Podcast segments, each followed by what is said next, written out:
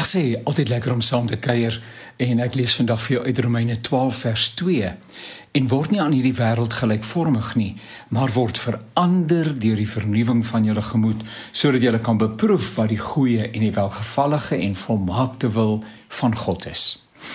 Dat die lesers en uh, natuurlik van en luisteraars na hierdie oordeenking dit ernstig met die Here bedoel is hoegenaamd nie onder verdenking nie. Inteendeel. Dit is juis waarom jy hierdie bydrae daagliks volg en oorweeg vir jou eie lewe.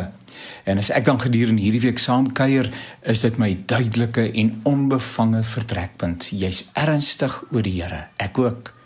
In gesprek met iemand in die onlangse verlede word die term perfekte wil van God herhaaldelik gebruik.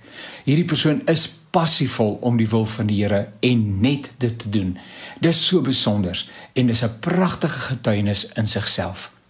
Die uitdaging het egter daarmee te doen die ongemak wat 'n mens beleef wanneer jy nie aan daardie perfekte wil vir jou lewe in alle opsigte in die detail kan voldoen nie.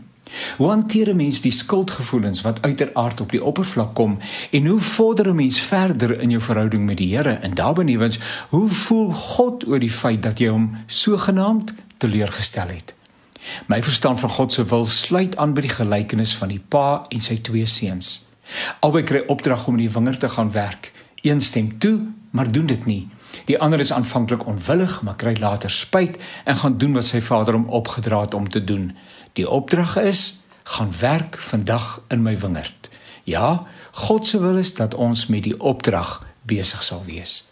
In my eie lewe het ek bitter swaar gedra aan selfverwyd en minderwaardigheid as Christen wat met die mooi voornemens wat ek gehad het gepaard gegaan het. My belydenis, ek sal dit nooit weer doen nie, is meermale met die swakheid van my eie menswees begroet.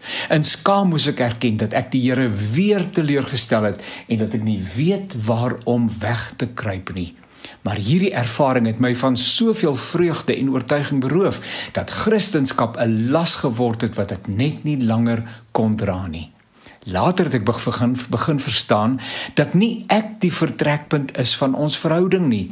Dis nie ek wat doen of dit wat ek nie doen wat die basis vorm van ons verhouding nie, maar wat God in Christus Jesus gedoen en afgehandel het. Ek kwalifiseer nie vir die ewige lewe nie. Punt. Op geen manier kan ek op eie meriete in die hemel kom nie. Dit is en bly die oorvloedige genade van God wat my van dag tot dag dra. Hy kwalifiseer my vir die lewe, nie ek nie. Dis alles hy. En dit beteken nie dat ek onverskillig mag leef nie. Daar's geen regverdiging vir 'n moedswillige volharding met dit wat verkeerd is nie. Ek dink nie sulke mense lees en luister na hierdie oordeenking nie. Dit beteken wel dat ek elke dag te moet gaan met die wete dat die Here my werklik liefhet en dat hy my pad na die hemel met sy genade plavei. Hoeveel skuldgevoelens dra jy met jouself saam omdat jy net dalk die rolle omgeruil het? Dis nie jou gehoorsaamheid nie, dis God se genade. Ek gesels graag môre en oormôre verder oor hierdie saak.